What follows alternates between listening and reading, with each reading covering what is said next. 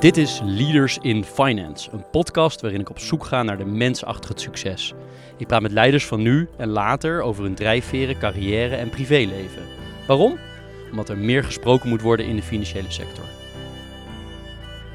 Leaders in Finance wordt mede mogelijk gemaakt door Interim Valley, FG Lawyers en Biscuit.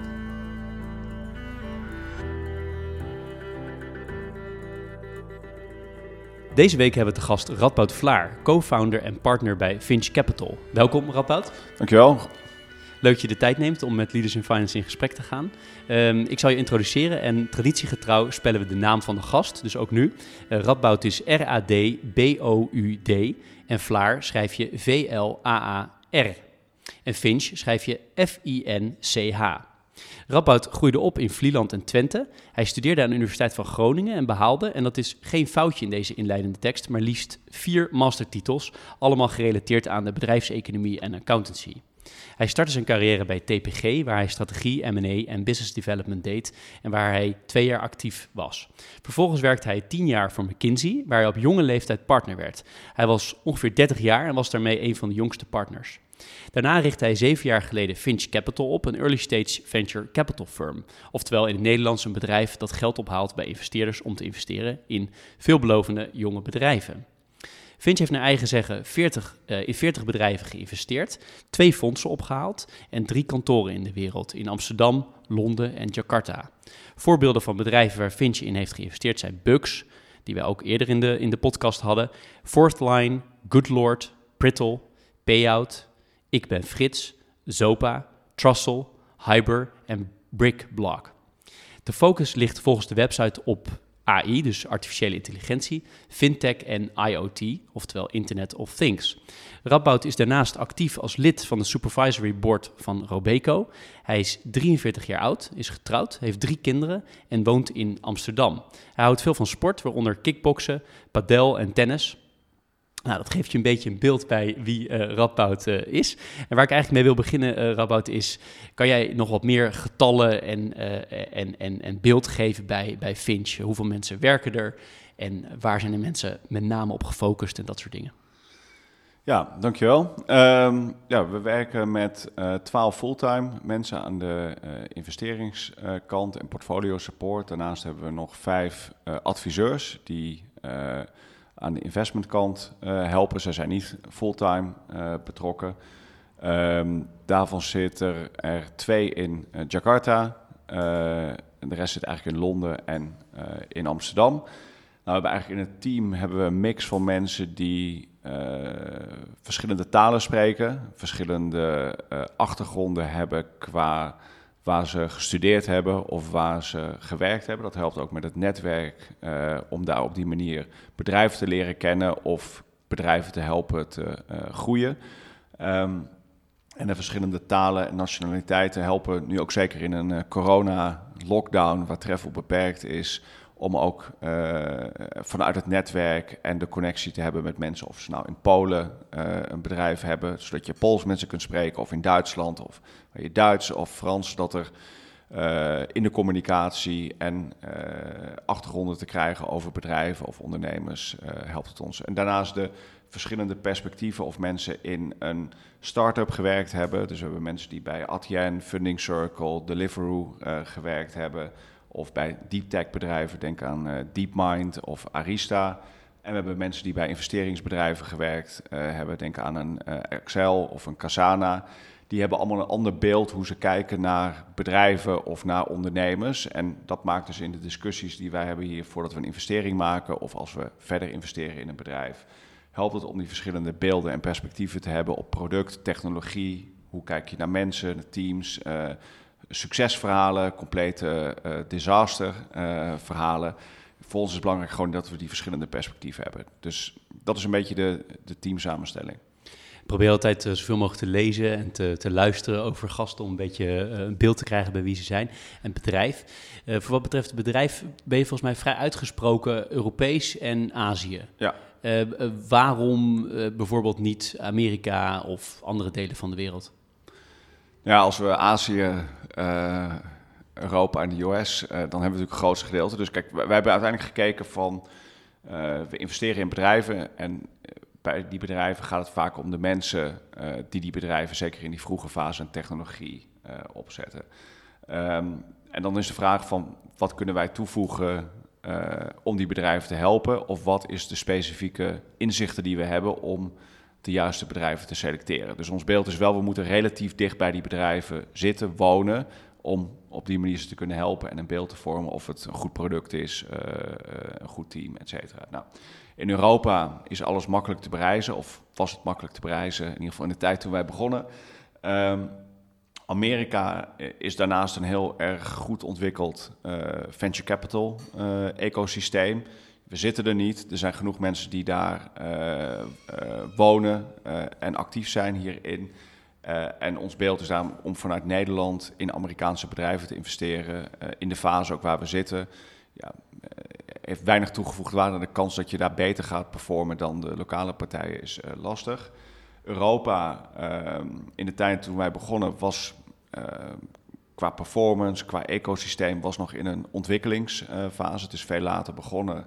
Eh, hier. Dus de grote firma's die, die een van de eerste waren begonnen, die zijn eind jaren 90, uh, begin 2000 uh, eh, begonnen. Terwijl als je gaat kijken naar de US, naar de Sequoia's, die, die hebben een veel langere historie. En in Azië richten we ons specifiek op Zuidoost-Azië en binnen Zuidoost-Azië op Indonesië. Daar is heel veel focus op China en op India geweest. Dus als je gaat kijken naar de BRICS, wat toen in die tijd, daar komt heel Indonesië niet voor. Terwijl Indonesië is op eh, onderweg om de vierde economie ter wereld uh, te worden. Het is ook binnen Azië een van de meest digitale landen, net zoals Turkije binnen Europa. Uh, hele sterke digitale adoptie als hetzelfde in Indonesië. En het is vrij toegankelijk voor buitenlandse investeringen met weinig restricties, zoals je die in China had, waar je dus als buitenlander niet 100% et cetera. Dus we, we kenden die markt uh, daar goed. We kennen ook een aantal uh, van de belangrijke uh, spelers in die markt. Dus zo zijn we daar in het tweede fonds in, eigenlijk met name Indonesië, begonnen. Dus dat is de achtergrond daarvan. Nou, daarnaast zien we ook wel een brug tussen Europa en Azië. Dat kan zijn waar we in toenemende mate zien dat kopers van grote technologiebedrijven, denk aan Skyscanner, Supercell, die zijn gekocht door Aziatische kopers, niet door Amerikaanse kopers.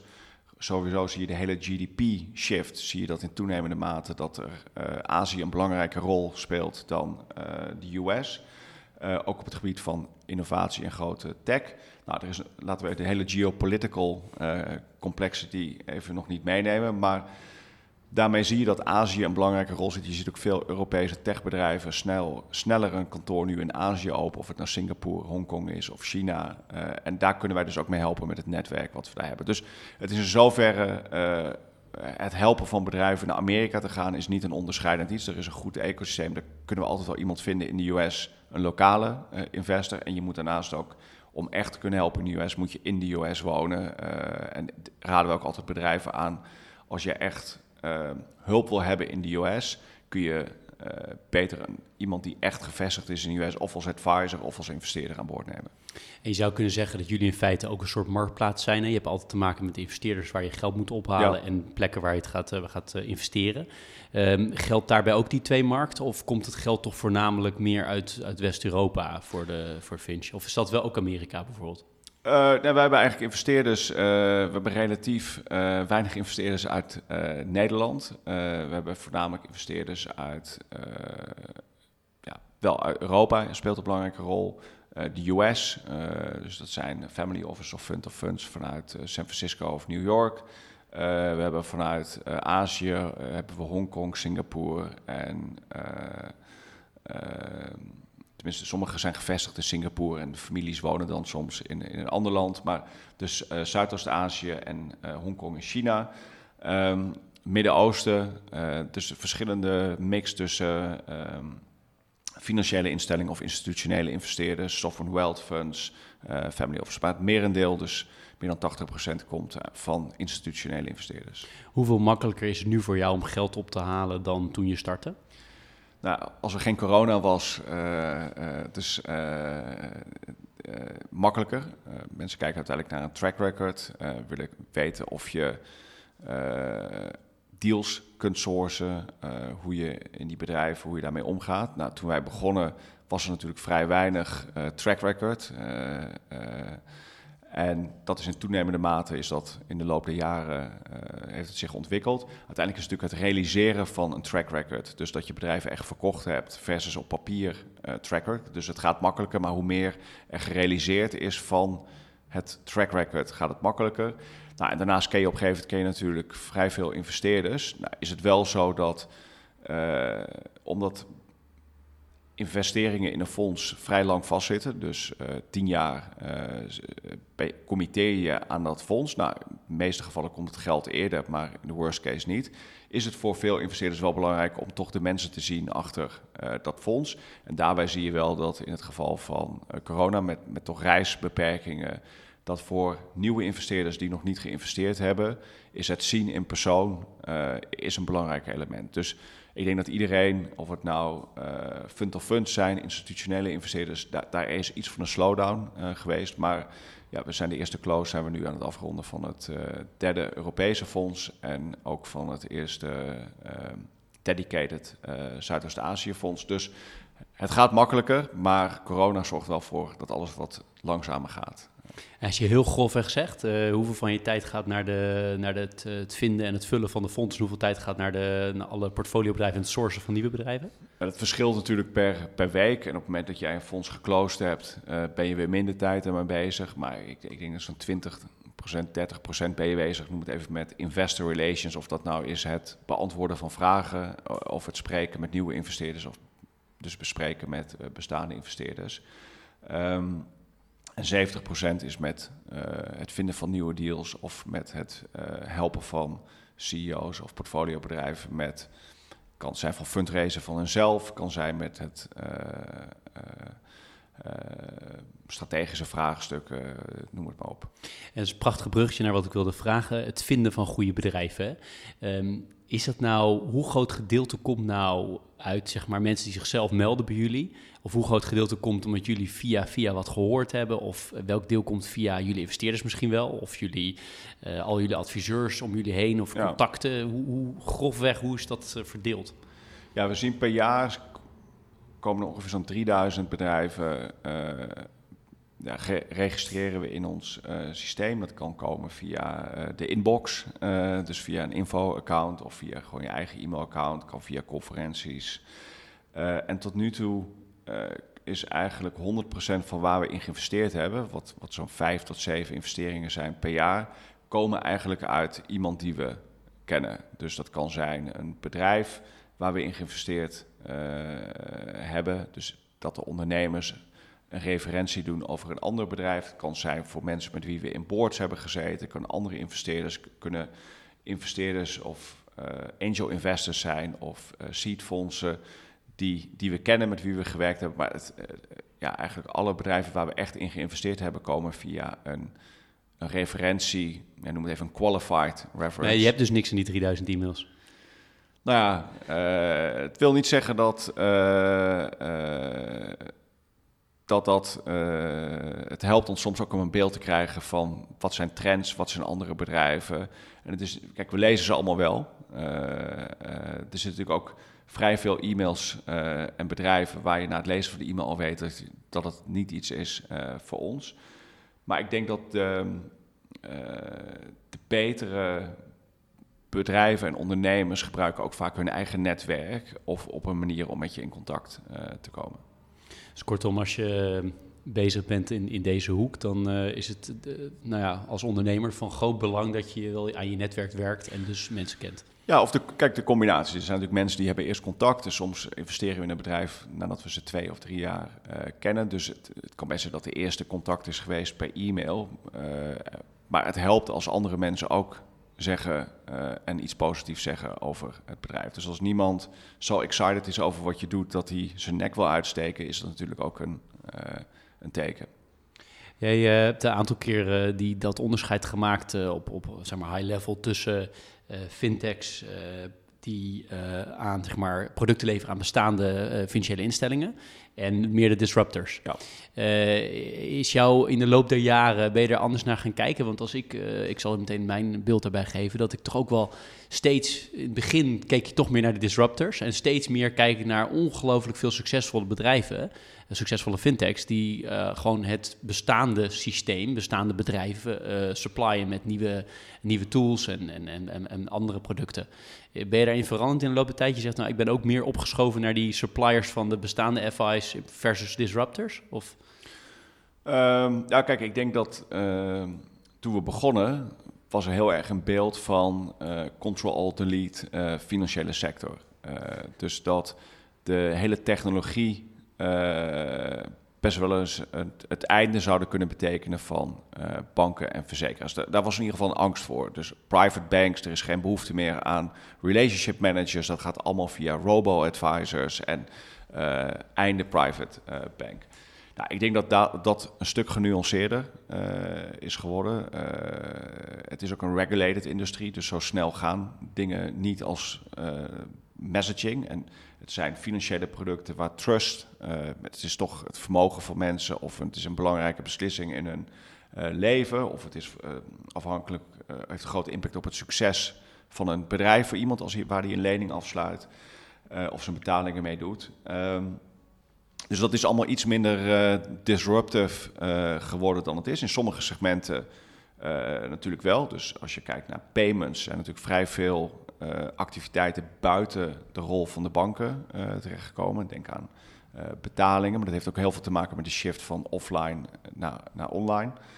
Um, en ja, wat wij gezien hebben is dat de softwarekant, dus of dat nou uh, fintech enablers, of er zijn verschillende woorden voor, maar dat zijn inderdaad softwarebedrijven of databedrijven die hun technologie verkopen aan de financiële sector, maar kan ook aan andere sectoren zijn. Dat, ja, dat daar natuurlijk er zijn enorme kosten die gemaakt worden binnen de financiële sector. Er is ook heel veel data, er is ook heel veel uh, processing en er is heel veel geld at uh, stake. Dat is natuurlijk een ideaal gebied om voor, voor automatisering, want er is, zijn vrij grote volumes uh, waar efficiëntieslagen gemaakt uh, kunnen worden en wat technologie kan helpen. En de financiële sector daarnaast heeft vrij veel druk op winstgevendheid. Zijn natuurlijk enorme kosten die extra gemaakt moeten worden, ook door de toename van regulatory toezicht. Uh, nou hadden voor het gesprek al over hoeveel mensen er in Nederland werken in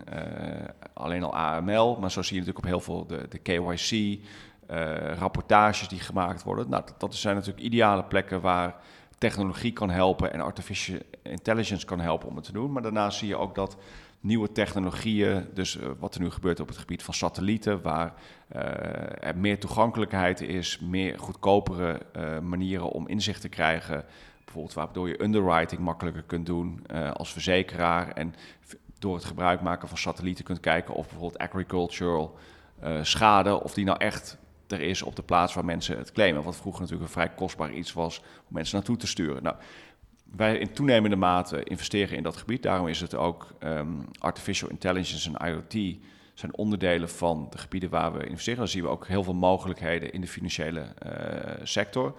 Dus in het eerste fonds denk ik dat het zo'n, nou, zal 50-50 zijn geweest. Dus uh, 50% uh, meer disruptive en 50% meer enabler. In het tweede fonds denk ik dat het eerder 60, 70% meer software was. Uh, en we zien die trend uh, doorschuiven. En wat we zien aan de disruptive kant is toch gebleken dat uh, de bedrijven waar heel veel marketinggeld nodig was door het uitgeven van geld aan Google, de Facebooks, dat, dat dat toch vrij kostbaar was. Dus daar zien we ook de wat meer B2B2C. Dus die bedrijven die gebruik maken van partnerships met distributeurs, dat dat ehm, een, een, lagere kost heeft. Dus daar zie je toch ook over verschuiving, het iets meer samenwerken dan het alleen disrupten. Maar er zijn natuurlijk een aantal sectoren waar dat anders is.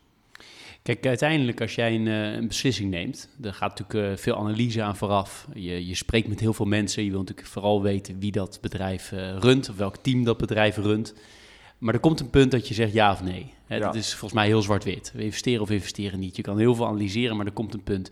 En waar ik benieuwd naar ben, is dit is ook een onderwerp dat ik met heel veel leiders in de financiële sector bespreek, is als je nou daar even boven gaat hangen en je ziet jezelf met jouw team zitten tot, tot je tot beslissing komt welk deel is nou ratio en uiteindelijk welk deel is toch dat je zegt, gut feeling, ik moet het gewoon niet doen of ik moet het juist wel doen. Ook al zijn de, de, is de rationele kant net iets anders. Ja, misschien een andere manier om het te beantwoorden is dat als het fout is gegaan later, uh, want wij, wij zitten natuurlijk in de business eigenlijk waar we fouten maken. Wij weten eigenlijk op het moment dat we een investering maken, dat de kans groot is dat, omdat het natuurlijk hoger risico uh, bedrijven zijn die echt iets anders proberen te doen wat vandaag de dag is. het zijn bedrijven waar de plannen zo zijn dat er hoge groei moet plaatsvinden. en als je dan gaat kijken wat als er uh, na drie of vier jaar, als dat plan toch niet uit is gekomen. Nou, we hebben niet heel vaak uh, het fout gehad dat uh, de markt er niet was. terwijl je, dus vaak gaat het toch aan de mensenkant. Dat mensen misschien goed zijn in het maken van het product, maar niet in het schalen van het product. Of dat mensen ehm, niet goed in staat zijn om goede andere mensen te vinden. Naarmate je natuurlijk steeds groter wordt, heb je steeds meer goede mensen doen. Je kunt het niet alles in je eentje blijven doen. Dus er zit vaak een menselijke kant aan. En dan blijkt toch wel vaak, als je achteraf terugkijkt, dat dat ergens bijvoorbeeld uh, naar boven komt. Dus in, als je het vergelijkt, de eerste deals die we deden versus uh, als we nu kijken, speelt dat gevoel, uh, als dat gevoel niet goed is, eh, we hebben, noem het even, aan de softe kant van de criteria. Dus niet van hoe groot is de markt, hoe groot is dit, hoeveel mensen zijn er die we KYC hebben. Uh, daar, daar, werken we eigenlijk nog op dezelfde manier. Maar als er toch aan de softe kant iets niet goed blijkt te zijn, is dat toch een. ja, gaan we uiteindelijk de deal niet. kan je dat concreet maken? Wat, wat, wat voel je dan over die mensen? Nou, het zijn. het, het zijn hoe mensen omgaan met het onderhandelen van een termsheet. Als dat hele lange trajecten zijn of uh, ze zijn daar niet, uh, gebeuren onethische uh, dingen of je hebt het idee dat je genaaid ga, gaat worden.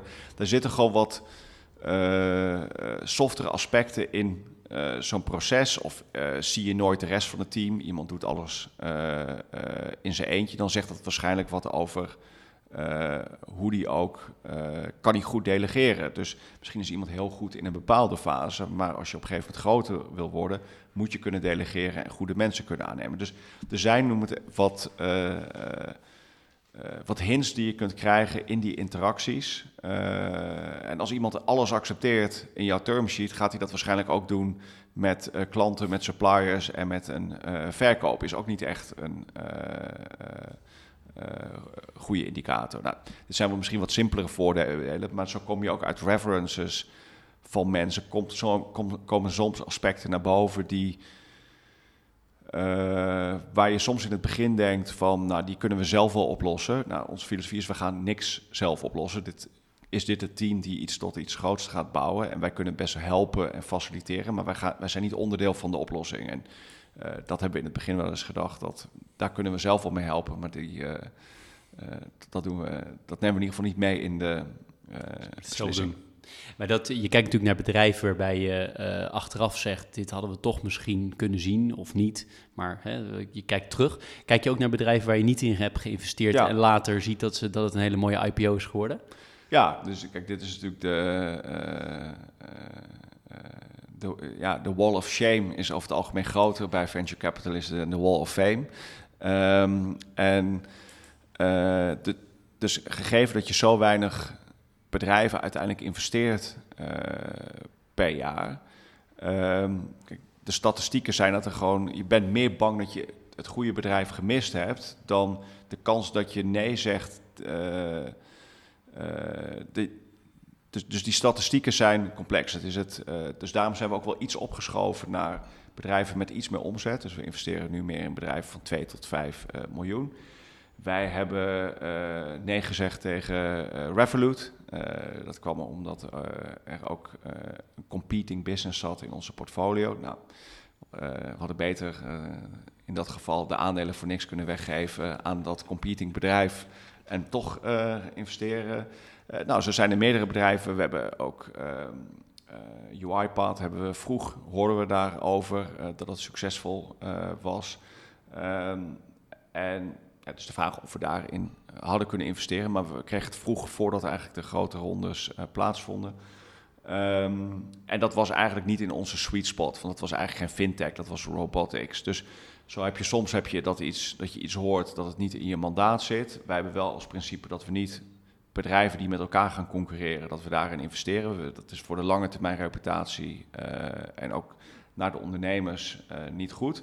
Daardoor mis je soms ook bedrijven. En er zijn bedrijven waar je gewoon niet van gehoord hebt en wat je opeens uit de krant leest, waar bijvoorbeeld blijkt dat die ondernemer heeft eerder een bedrijf gehad, daar zat een investeerder in en die investeerder gaat nu weer mee. Maar ik denk tot nu toe, en er zijn sommige bedrijven waar je gewoon fundamenteel uh, niet in gelooft, of je wil niet in regulatory arbitrage zitten, en die je toch heel goed blijken te doen. Dus ik denk per saldo is voor ons de belangrijkste vraag, hebben, we ooit dat bedrijf niet op onze radar gehad? Nou, ik denk dat daar de meeste hebben we wel op een of andere manier gezien.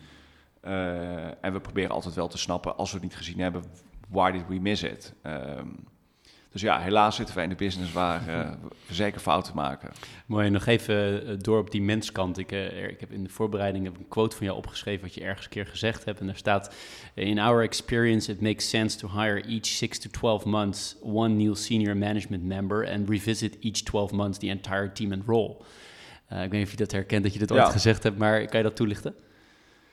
Nou, kijk, bedrijven die snel groeien... Um,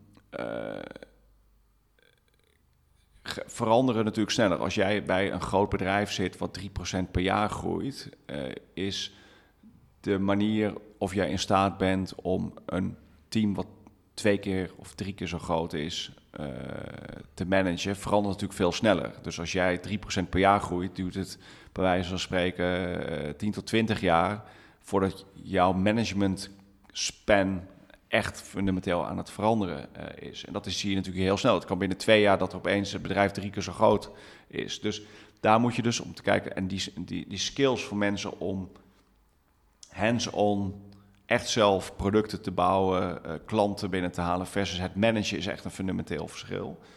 Uh, daarnaast zie je dat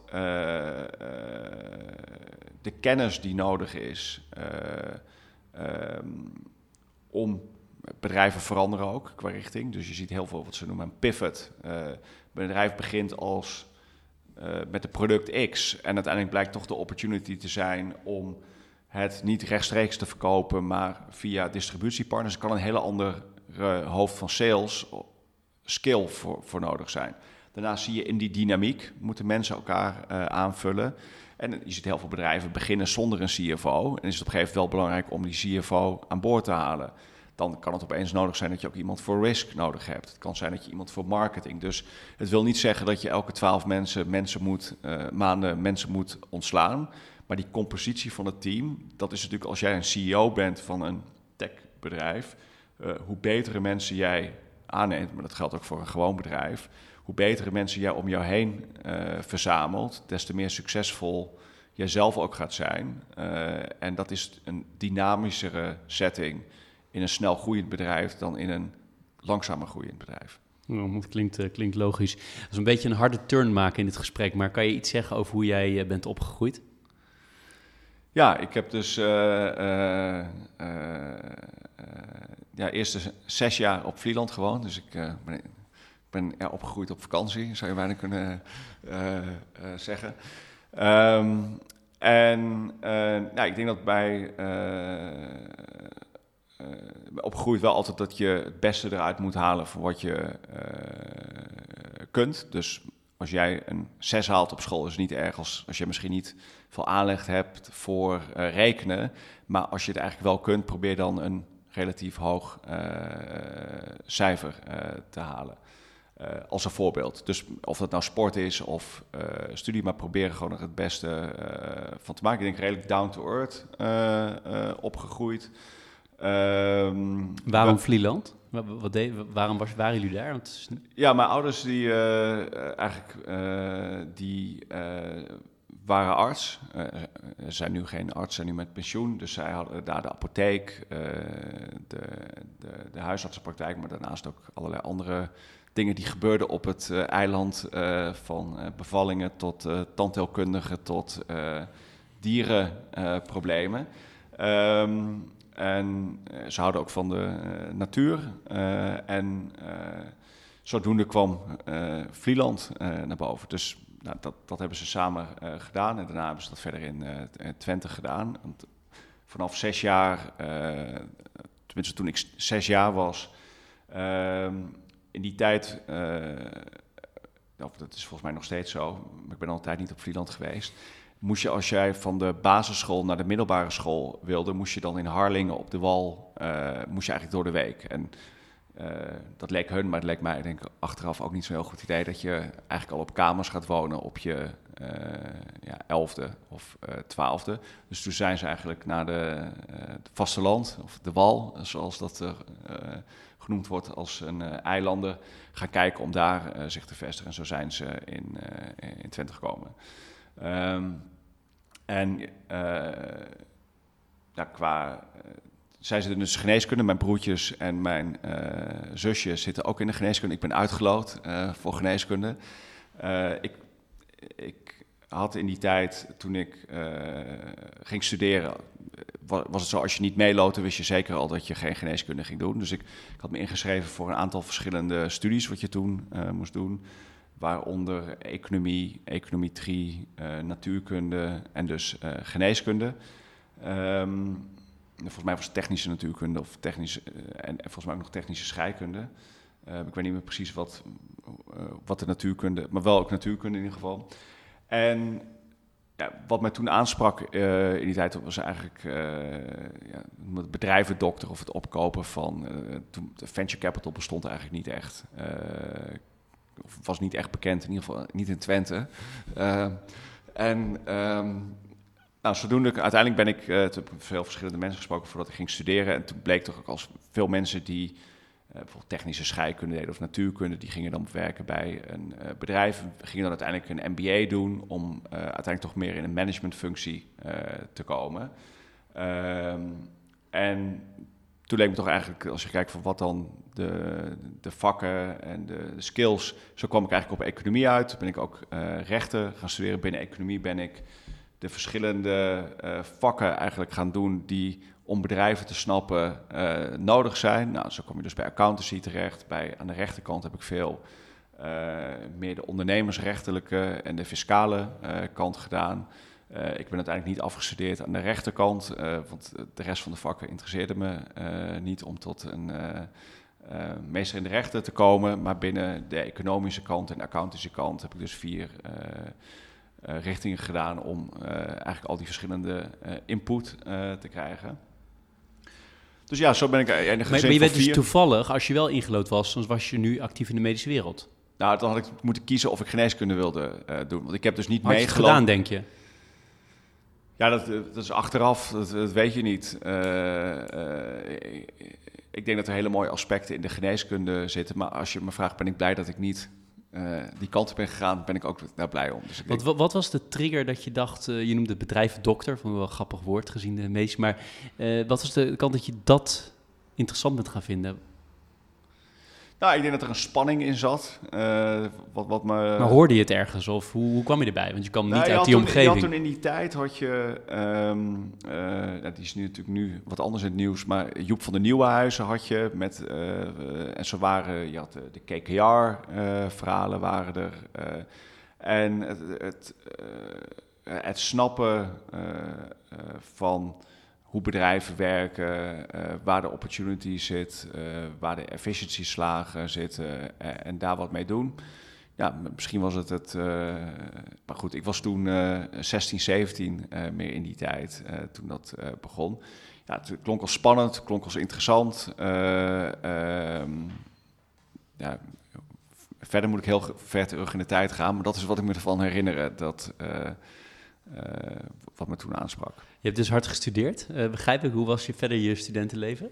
Ja, was goed. Dus ik heb uh, ja, redelijk efficiënt gestudeerd, uh, denk ik. dus ik heb vrij uitgebreid van studentenleven genoten. Ik denk dat gegeven misschien de sterke beta-kant, dus de, de wiskundige kant, ging me vrij makkelijk af. En daar was in zoverre was economie, zaten het er zaten best wel wat vakken in die, als je goed in wiskunde was of logisch kon nadenken, misschien niet heel, uh, heel veel studietijd altijd vereist. Ik vond de vakken waar je woordjes en definities uit je hoofd moest leren, dat, die had ik wat minder zin in. Dus ja, als er tentamens gemaakt moesten worden, was ik daar intensief mee bezig. Maar voor de rest heb ik eigenlijk vrij veel genoten. dus het ging makkelijk af. Ehm, als je kijkt naar, jou, eh, naar introductie, hè, naar jouw cv, dan, dan denk ik dat we wel kunnen stellen dat je nou, aardig, eh, aardig of zeer slim bent. Wanneer wist je, heb je dat ooit bij jezelf uh, doorgehad van hé, hey, ik ben eigenlijk toch wel erg goed in leren en in dingen, dingen to stof tot me nemen? Was dat op hele jonge leeftijd al of was het pas toen je ging studeren? Weet ik niet. Daar ben ik nooit echt helemaal mee bewust. Dat was bij ons in de familie ook niet echt een heel groot iets om daar uh, heel erg mee bezig te zijn. Was meer van probeer eruit te halen wat, wat erin te zit. In plaats van uh, jezelf um, te assessen hoe slim je nou precies uh, bent. Dus zodoende heb ik ook meerdere in die tijd op de middelbare school kon je in zeven vakken afstuderen. Dat heb ik in negen gedaan, maar mijn broertje heeft het in tien gedaan en mijn zusje ook in negen. Dus het, het was meer, denk ik, de hele... het was normaal. Nou, ik weet niet of het normaal was, maar het was niet het was niet anders binnen de rest uh, van de familie. Waarom uh, eh, TPG en waarom McKinsey? Ja, bij uh, TPG, dat, die hadden in die tijd een. Ik moest dus meerdere scripties schrijven. en die hadden het programma dat heette de afstudeer. of de scriptiestage. Dus je kreeg betaald voor het schrijven van een scriptie. Als je daar naartoe ging. Nou, dat was natuurlijk als een student die meer uitgaven had dan inkomsten. was een hele goede propositie.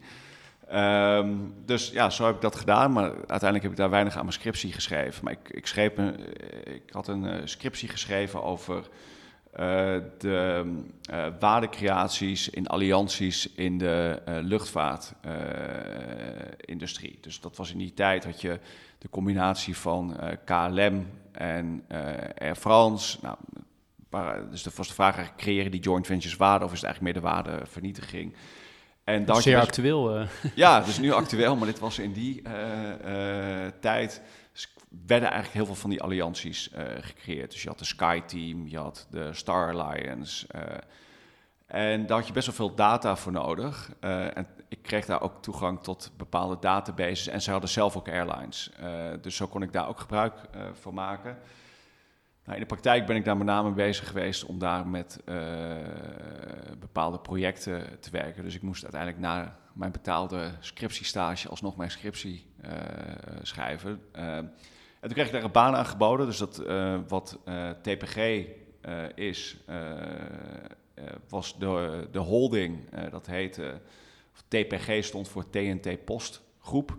Um, waar dus eh, TNT Logistiek, TNT uh, eh, Express en de Post. En dat was eigenlijk net nieuw allemaal opgezet naar de, de, de beursgang daarvan ook. Dus er waren een heleboel spannende dingen te doen, van M&A tot investment banking, tot de consultancy vraagstukken. Dus zo kreeg die baan aangeboden, eigenlijk in een, uh, een leuk uh, team. En het is een super uh, dynamische, leuke, leerzame tijd geweest.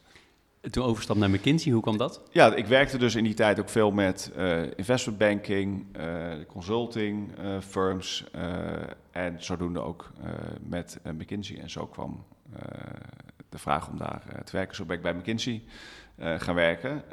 en wat me daar aansprak toen, want ik zat te twijfelen tussen de uh, investment banking uh, kant uh, of M&A. Bij McKinsey had je ook de corporate finance praktijk, dus daar kon je veel transacties werken naast het gewone consultancy, strategische consultancy werk. Nou, de, de dynamiek, de mensen spraken me aan, ook de learning. Dus je zag vaak wat wij zagen als we met de verschillende mensen werken. Bij McKinsey zagen we het hele team en bij de investmentbanken zagen we met name de managing director en de rest zat in, in Londen. Dus je kon eigenlijk op relatief jonge leeftijd was je meer betrokken bij de klanten.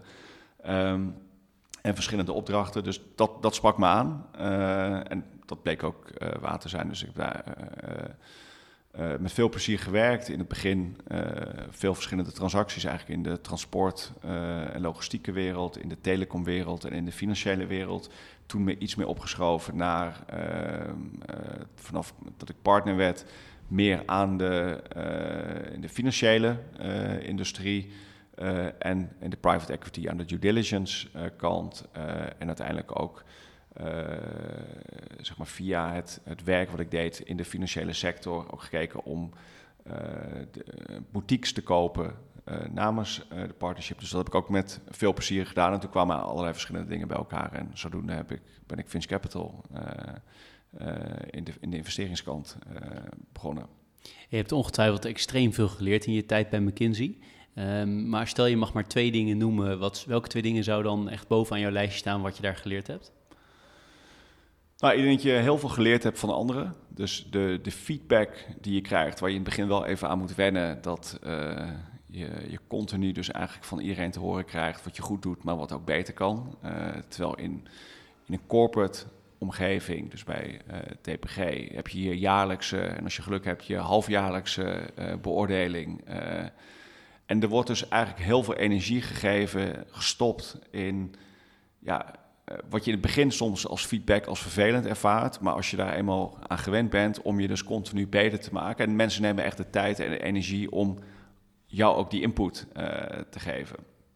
Dus ik denk het, de waarde van feedback en de input van anderen, die, uh, dat, dat is zeker één ding uh,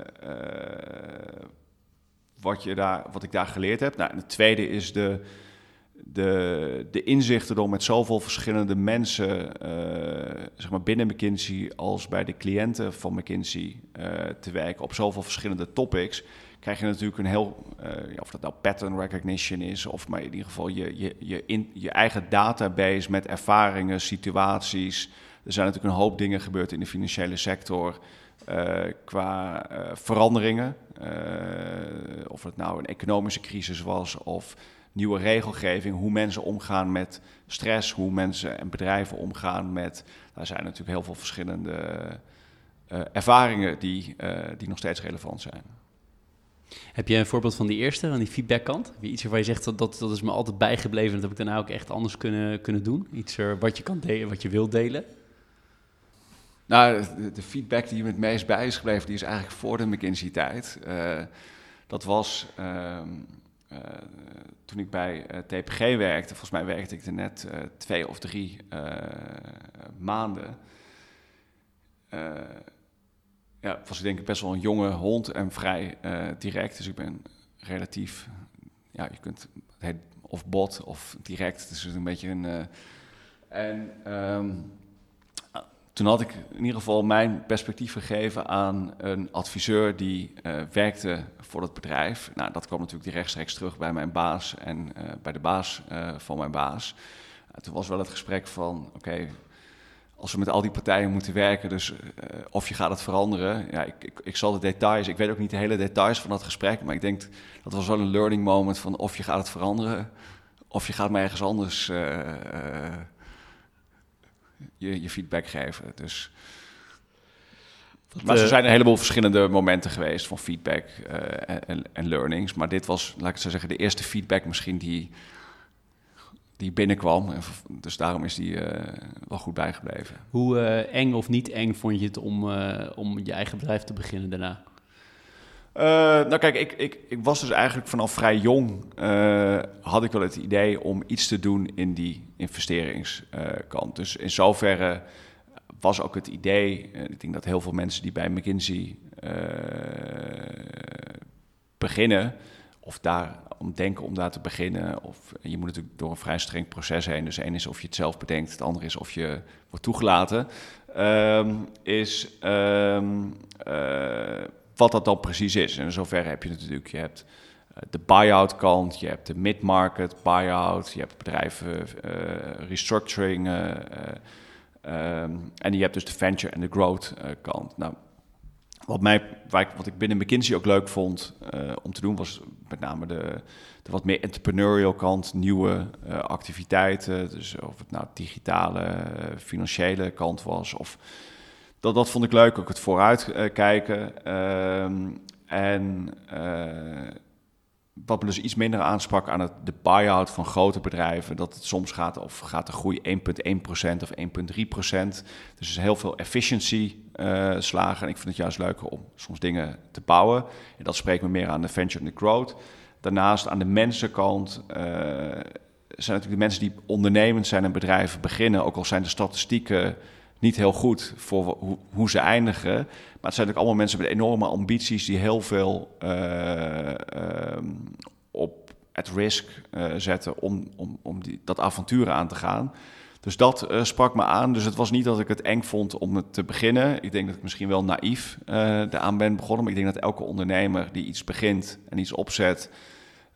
misschien met een, met een romantische beeld dat begint en overtuigd is wat hij gaat doen. Ik denk dat het het geld ophalen uh, een stuk moeilijker is. Uh, kijk, er zijn natuurlijk altijd mensen die je kennen en die jou geld willen geven. Maar dan kom je niet tot het bedrag wat je bedacht hebt als fonds. En hoeveel hadden je in je eerste fonds?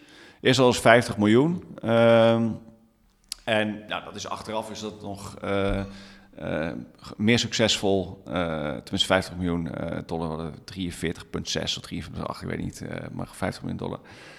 Um, en ja, je wordt natuurlijk heel erg uh, mensen, met name de institutionele investeerders, wat heb je nou werkelijk gedaan wat relevant is voor het uh, investeren? En als jij uh, binnen een bedrijf werkt, heb je natuurlijk, leef je in jouw wereld wat in dat bedrijf relevant is. Dus om een goede consultant te zijn, zijn natuurlijk bepaalde aspecten heel belangrijk binnen een consultancy wereld die totaal niet relevant zijn in de investeringswereld. Nou, zo zijn natuurlijk ook dingen die wel uh, overlappend zijn. Um, dus dat, dat uh, was volgens mij van onze eerste tien investeerders die we dachten die zeker gingen investeren, waren er negen weg binnen de eerste twee weken. omdat ze bijvoorbeeld uit wij doen geen first-time funds, we doen ook geen second-time funds, dus je hoeft ook niet bij je tweede terug te komen. Wij doen geen fondsen uh, onder de uh, miljard eigenlijk. Wij doen geen. Uh, nou, dus je komt er vrij snel achter dat het universum van waar jij aan de ene kant misschien zelf in gelooft, waar jij de opportunity in zit, dat die heel interessant is, maar dat het segment van institutionele investeerders, wat daar ook in investeert, relatief klein is. Dus een buy-out fund zijn veel meer investeerders waar dat in past. Omdat het grotere tickets zijn, het is lager risico. Nou, zo dat is best wel een journey geweest. Uiteindelijk is het gelukt. Heb, je maar heb je wel eens gedacht, als je nu heel eerlijk terugkijkt van... Uh, oh god, waar ben ik aan begonnen? Was ik nog maar gewoon partner bij McKinsey gebleven? Dit, dit gaat hem niet worden? Of in ieder geval niet worden zoals ik het voor ogen had? Nou ja, uiteindelijk... Uh, uh, viel dat mee. de tijd dat het echt gekost heeft om het op te zetten. Dus het is relatief soepel gegaan, maar het is op een hele andere manier gegaan dan uh, bedacht was. Dus ik heb in september uh, eh, 2013 aangegeven dat dit ging opzetten. Toen een transitie gemaakt naar advisor, om geen conflicts of interest te hebben. Dus we hebben het netjes voor aangegeven voordat iets begonnen. Dat om eh, conflicts of vervelende gedachten te geven. Dus tot en met volgens mij april 2014 advisor geweest en de eerste closing in juni 2014. Dus dat ging eigenlijk best uh, soepel. Maar je komt achter allerlei operationele zaken. Dus van het maken van je website tot hoe ga je om met iemand die in de ziektewet zit. Maar dat komt allemaal al veel, veel later. Ja, dat is natuurlijk toch wel wat anders. Bij McKinsey had je een heel supportnetwerk om je heen. Je kon op terugvallen op andere partners, op medewerkers, op allerlei supportclubs. En toen opeens moest je met een relatief klein team het zelf doen. Nou ja, niet alleen een uh, klein team met uh, geen brand. Dus je komt natuurlijk achter wat de waarde is van als je bij een, een firma werkt met een hele sterke reputatie en brand. daar zit natuurlijk. Ja, je merkt pas als je er niet meer bent wat de waarde was en hoe goed het systeem ook werkt. En, en met name ook de support die daarachter zat, die natuurlijk je, je aanneemt dat die er is, omdat je er eigenlijk altijd in op bent gegroeid. Daarnaast het vinden van goede mensen is natuurlijk als jij een hele goede brand hebt, is het komen natuurlijk al heel veel goede mensen uit zichzelf naar je toe. Dus wij hebben echt heel hard moeten werken om mensen te overtuigen. Ja, waarom zou ik bij jou beginnen? Uh, want uh, jullie hebben eigenlijk helemaal geen, geen, naam. Dus daar leer je ook van. Daar word je ook uh, humble van. en ehm, ja, in, zo, in zoverre heb ik geen moment gehad dat ik dacht, waar ben ik aan begonnen? Wat, er zijn wel een heleboel dingen waar je pas als je ergens aan begint van erachter komt van, oh, dat is misschien toch net iets anders. Voorbeeld? Uh, nou ja, het, uh, het, het zelf, uh, zijn simpele dingen van de, het assessen of iemand een goede ondernemer is versus om echt een bedrijf te groeien. Het is natuurlijk, als je kijkt, als jij tien investeringen hebt gedaan, ben jij meer ervaren? Waar let je op aan de legal kant? Waar kan het fout Kijk, als jij één keer mee hebt gemaakt dat een bedrijf failliet is gegaan of een complete nieuwe financiering uh, moet doen, ben je veel scherper. Uh, neem je die ervaringen mee. Net zoals dat, je hebt altijd die 10.000 uren regel. Je, bent, uh, je moet heel veel tennissen voordat je een goede tennisser bent. Je moet heel veel piano spelen voordat je een goede pianist bent. Je moet heel veel uh, consultancy-uren hebben gedraaid voordat je een goede consultant advies of een document. Dat is natuurlijk ook met investeren. Hadden wij relatief, zijn we relatief met weinig ervaring gekomen. We hadden wel het netwerk in de financiële sector. Dus uiteindelijk hebben we achteraf zijn er best een aantal investeringen die we waarschijnlijk of anders gestructureerd hadden, of anders gepriced hadden, of niet gedaan hadden. Maar door hard werken is het uiteindelijk geen drama geworden. Maar het had misschien wel wat grijze haren kunnen, kunnen schelen op mijn, mijn hoofd. Als je kijkt, je bent, nou, als je naar je carrière kijkt, als, als ik als buitenstaander, dan ben je natuurlijk heel succesvol geweest tot nu toe al met, met dat je jong partner was. Met, je, met Finch Capital gaat het volgens mij voor de wind. Um, wat, wat drijft jou? om, neem ik aan, hard te werken om dit allemaal tot een succes te maken. Want dit komt natuurlijk niet zomaar uit de lucht vallen. Er wordt hard gewerkt, ongetwijfeld. Um, dus wat, wat, wat, wat is de grote motivatiebron voor, voor, voor? Uh, nou, ik hou wel ergens van uh, uh, nieuwe dingen. Ik, ik, ben eigenlijk, denk ik, wel geïnteresseerd in de mensen. dus de, de menselijke kant of het nou de ondernemers zijn of de investeerders van wie wij het geld beleggen. Um, en of het nou tijdens McKinsey de, de cliënt was. je helpt natuurlijk het, de cliënt en je helpt het bedrijf. Maar dat wordt op een gegeven moment worden dat personen en mensen. Dus ik ben altijd wel geïnteresseerd geweest in de. En gefascineerd en gemotiveerd door de mensen met uh, wie je werkt. En dit is natuurlijk een business waar je met heel veel verschillende mensen te maken hebt. De mensen die investeren en investeerder zijn in die bedrijven, mensen die commissarissen zijn in die bedrijven, mensen die de ondernemers zijn in die bedrijven. Uh, ik ben geïnteresseerd in de verschillende culturen, dus het internationaal was voor mij ook een belangrijk aspect. Dus het uh, of het nou mensen zijn die in Duitsland of in Polen of in Indonesië. Dus die diversiteit, de internationale uh, aspect uh, motiveert me. Ja, en ik denk dat het meer misschien waarschijnlijk uh, als onderdeel van de opvoeding is, of het nou het, het, van een cijfer is, als je iets doet, probeer het dan zo goed mogelijk te doen. Maar ik zou het niet in mijn eentje, iets in mijn eentje, uh, uh, een, een programmaatje maken en alleen maar coderen in mijn eentje in mijn kamer, afgezien dat ik het niet goed kan. Uh, dat is niet waar ik mijn kick uit krijg. Het, het, is met name door met veel verschillende mensen te werken, dat is hetgeen wat me motiveert en dan dat zo goed mogelijk proberen te doen. en daar helpt natuurlijk ook dat je investeerders hebt, waarbij je een verantwoordelijkheid hebt om rendement te maken voor die mensen. Zo op 80, 90 procent van het, uh, van het gesprek hebben we altijd een, teaser en een pleaser.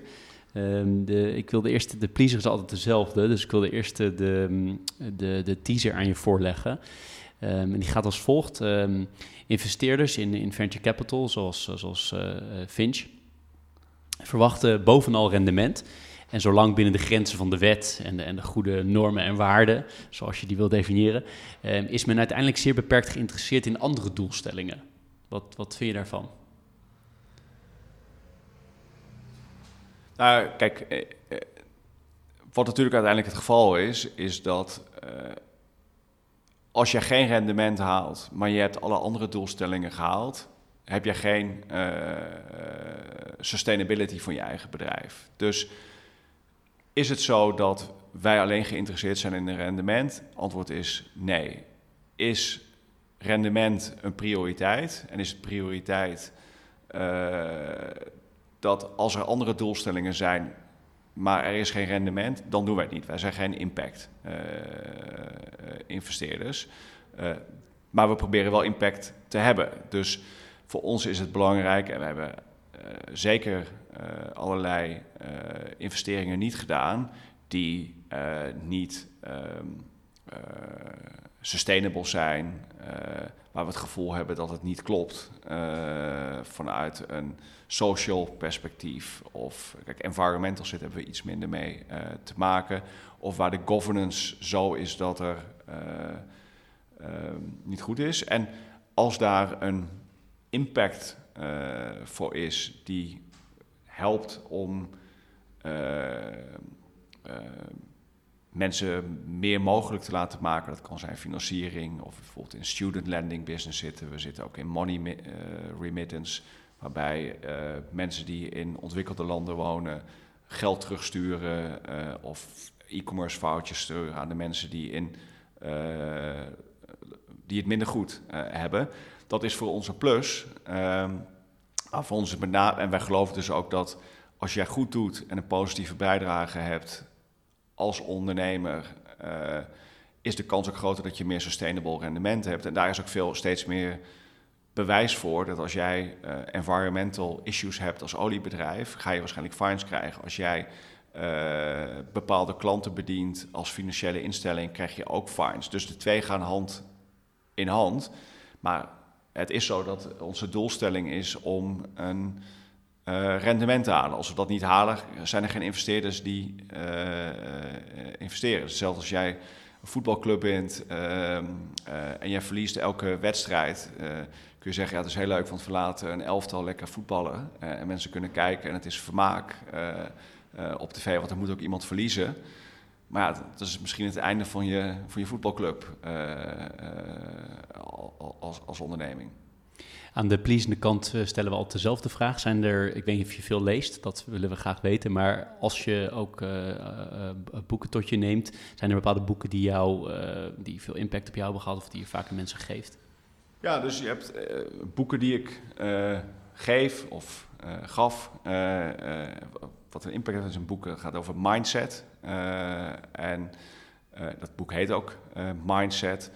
Um, het gaat ook over waarom zijn mensen goed in dingen en waarom als mensen vastzitten en veranderingen. Dat is natuurlijk, we werken natuurlijk veel met teams, we werken met mensen die verandering proberen te brengen. Soms zit het even tegen. Ik bedoel, de, de hardgroeiende bedrijven groeien niet altijd hard, hebben zeker te maken met veel tegenslagen. Dat is niet altijd zichtbaar aan de buitenkant, maar het is zeker geen lineaire curve. Uh, en dat is een vrij simpel, praktisch boek, uh, die daar mensen simpele inzichten in geeft.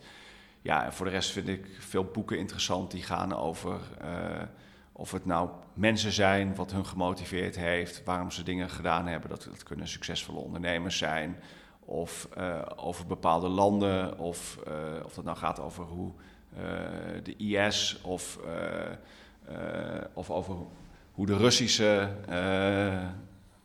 land in elkaar zit, zowel aan de goede als aan de slechte kant. Maar dat is een breed scala aan boeken die ik interessant vind. Leuk. Als je, de vraag die ik ook aan iedereen stel uh, is, uh, heb je bepaalde tips voor mensen die nu beginnen überhaupt met werken? Het mag specifiek in de financiële sector zijn of misschien beginnen in de, in de venture capital of beginnen eh, bij, bij een van de strategieconsultants, maakt niet uit. Heb je bepaalde tips die je hen wil meegeven? Nou, ik merk dat uh, als ik kijk naar de, de mensen die bij ons komen solliciteren, dat het niet makkelijker is uh, op dit moment. Dat heeft denk ik ook met corona te maken. Dus er zijn uh, onzekerheden dat over het algemeen zorgen dat veel mensen. ik heb mensen gezien met zes stages die ze gelopen hebben in het vinden van het bedrijf. Nou, ik denk aan, de, aan de ene kant om te vinden welk bedrijf bij ze past en wat is. Dus ik zou zeker proberen echt goed te zoeken van waar je passie zit, waar je interesse zit. Uh, maar ik zou ook niet uh, te kortzichtig denken dat als jij wil werken in private equity of jij wil werken in uh, strategieconsulting, dat de enige manier om dat te doen is te beginnen in strategieconsultancy of in private equity. Ik ben niet begonnen in een strategieconsultant en ik ben niet begonnen in de investeringswereld. Dus ik denk dat met name dat je moet kijken waar ga je ervaringen op doen die jou uh, relevant maken. Ehm, eh, en waardoor je waarde kunt toevoegen en waardoor je ook veel leert. want ik denk eigenlijk tot je veertigste moet je vooral veel leren. dus, en dat kan zijn als ondernemer door je eigen bedrijf te beginnen. En als je eerste bedrijf een flop is, dat betekent niet dat je een slechte ondernemer bent. het kan wel zijn dat je een slechte ondernemer bent, maar hoeft niet per se. Dus geef niet meteen op. Um, en ja, er zijn vele wegen om uiteindelijk te komen waar je uh, kunt komen. Dus je moet soms ook gewoon de opportunity pakken die er is. En het loopt een beetje zoals het uh, loopt. Ik had niet. ik had wel ongeveer het beeld wat ik zou willen doen, maar het is allemaal misschien net op een andere. Ik had niet het pad hoe dat ging lopen. Zo. En het, het kom, komen een aantal dingen ook toevallig zo op je pad. Ja, en pak die opportunities als, als die er zijn. En de mensen die je om je heen hebt gezien waar het misschien wat minder goed mee ging. Uh, waarop ging dat meestal fout, naar jouw beleving? Ik noem wel iemand die bij McKinsey begon, of iemand die bij TPG begon, of hier begon, maar uiteindelijk niet goed is gegaan. Waar zat hem dat met name in? Kan je er iets algemeens over zeggen? Kijk, je moet een beetje geluk ook hebben. Hè? Dus ik, ik, denk dat de meest succesvolle ondernemers zijn niet alleen maar succesvol omdat ze succesvol zijn. Je moet geluk hebben met de timing. Als jij eh, noem het maar. Ehm, Tesla begonnen was 20 jaar geleden, was het geen succes geweest. Dit is het moment. Dus de timing moet je goed hebben. Jij moet ook het geluk hebben dat jij toevallig. Er, er zijn. Um, ik ben even vergeten hoe het boek heet.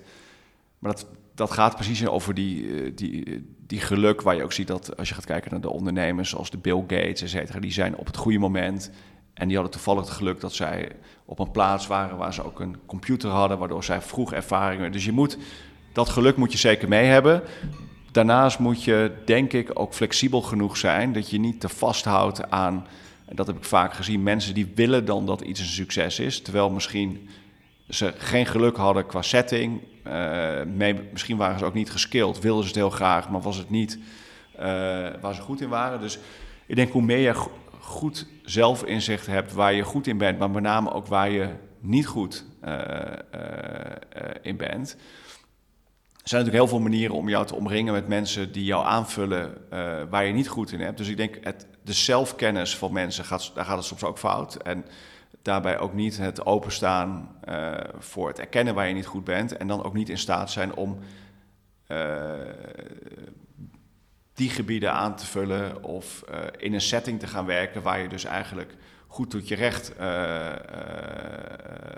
komt. En ik denk dat daar wel een shift ook is geweest in de afgelopen jaren, waar natuurlijk eerst heel veel feedback ging over het zorgen dat je een all-rounded persoon was. Je moest met name verbeteren waar je niet goed in was. Terwijl dus er is natuurlijk heel veel inzichten zijn er gekomen dat spiky mensen uh, en spiky management teams, als die elkaar, uh, als je maar in de goede setting zit, dat je super succesvol kunt worden. Dus de meest succesvolle teams zijn over het algemeen mensen die heel erg goed in zijn en heel erg slecht dingen zijn. Maar als je dat als team kunt doen, of dat nou een voetbalteam is, als jij een hele goede verdediger hebt en een hele goede aanvaller en, en je hebt een coach die dus die extreme uh, egootjes allemaal bij elkaar kan zetten en daar een manier van kan vinden dat dat werkt, uh, kun je heel En daar heb ik wel mensen gezien die, die niet wilden onderkennen waar ze misschien niet goed in waren, of te veel vasthielden aan iets wat uiteindelijk toch nooit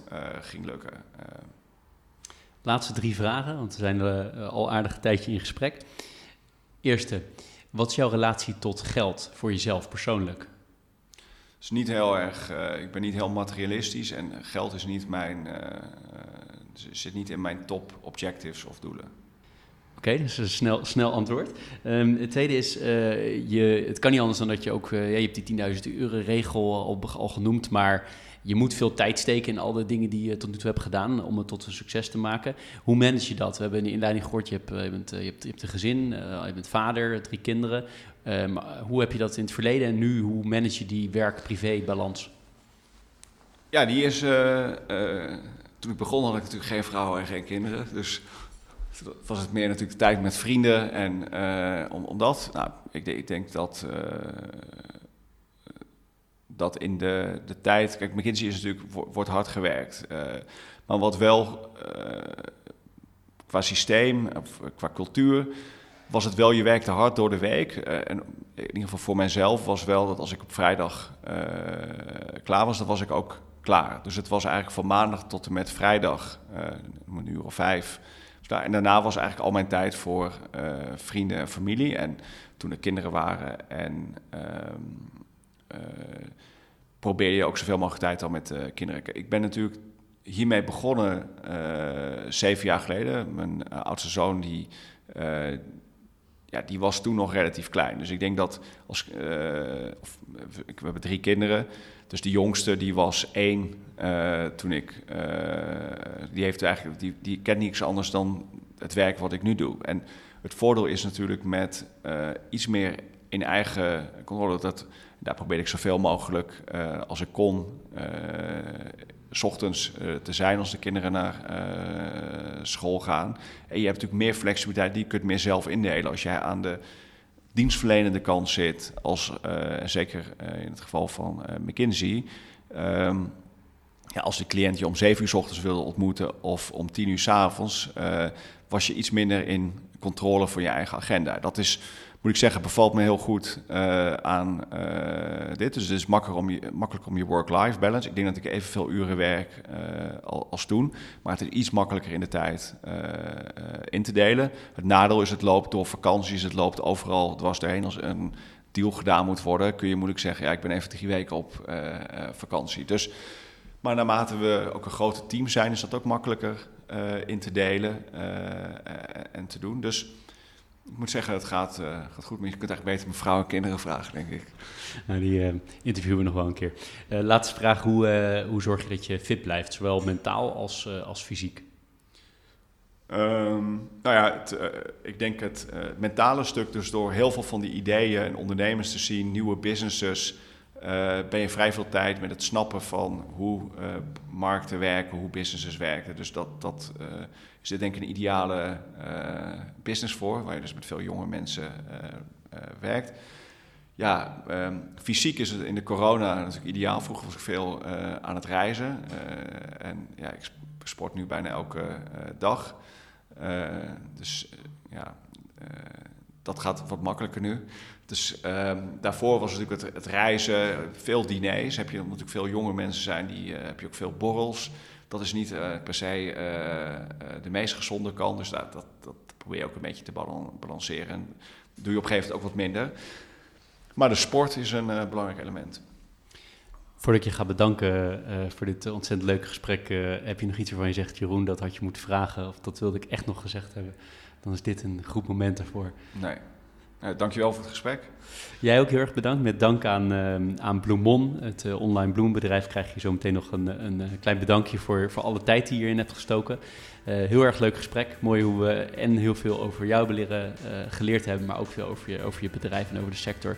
Heel erg bedankt voor je tijd. Graag gedaan. Dankjewel.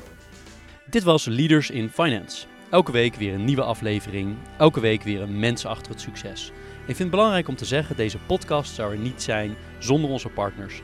Interim Valley, FG Lawyers en Biscuit.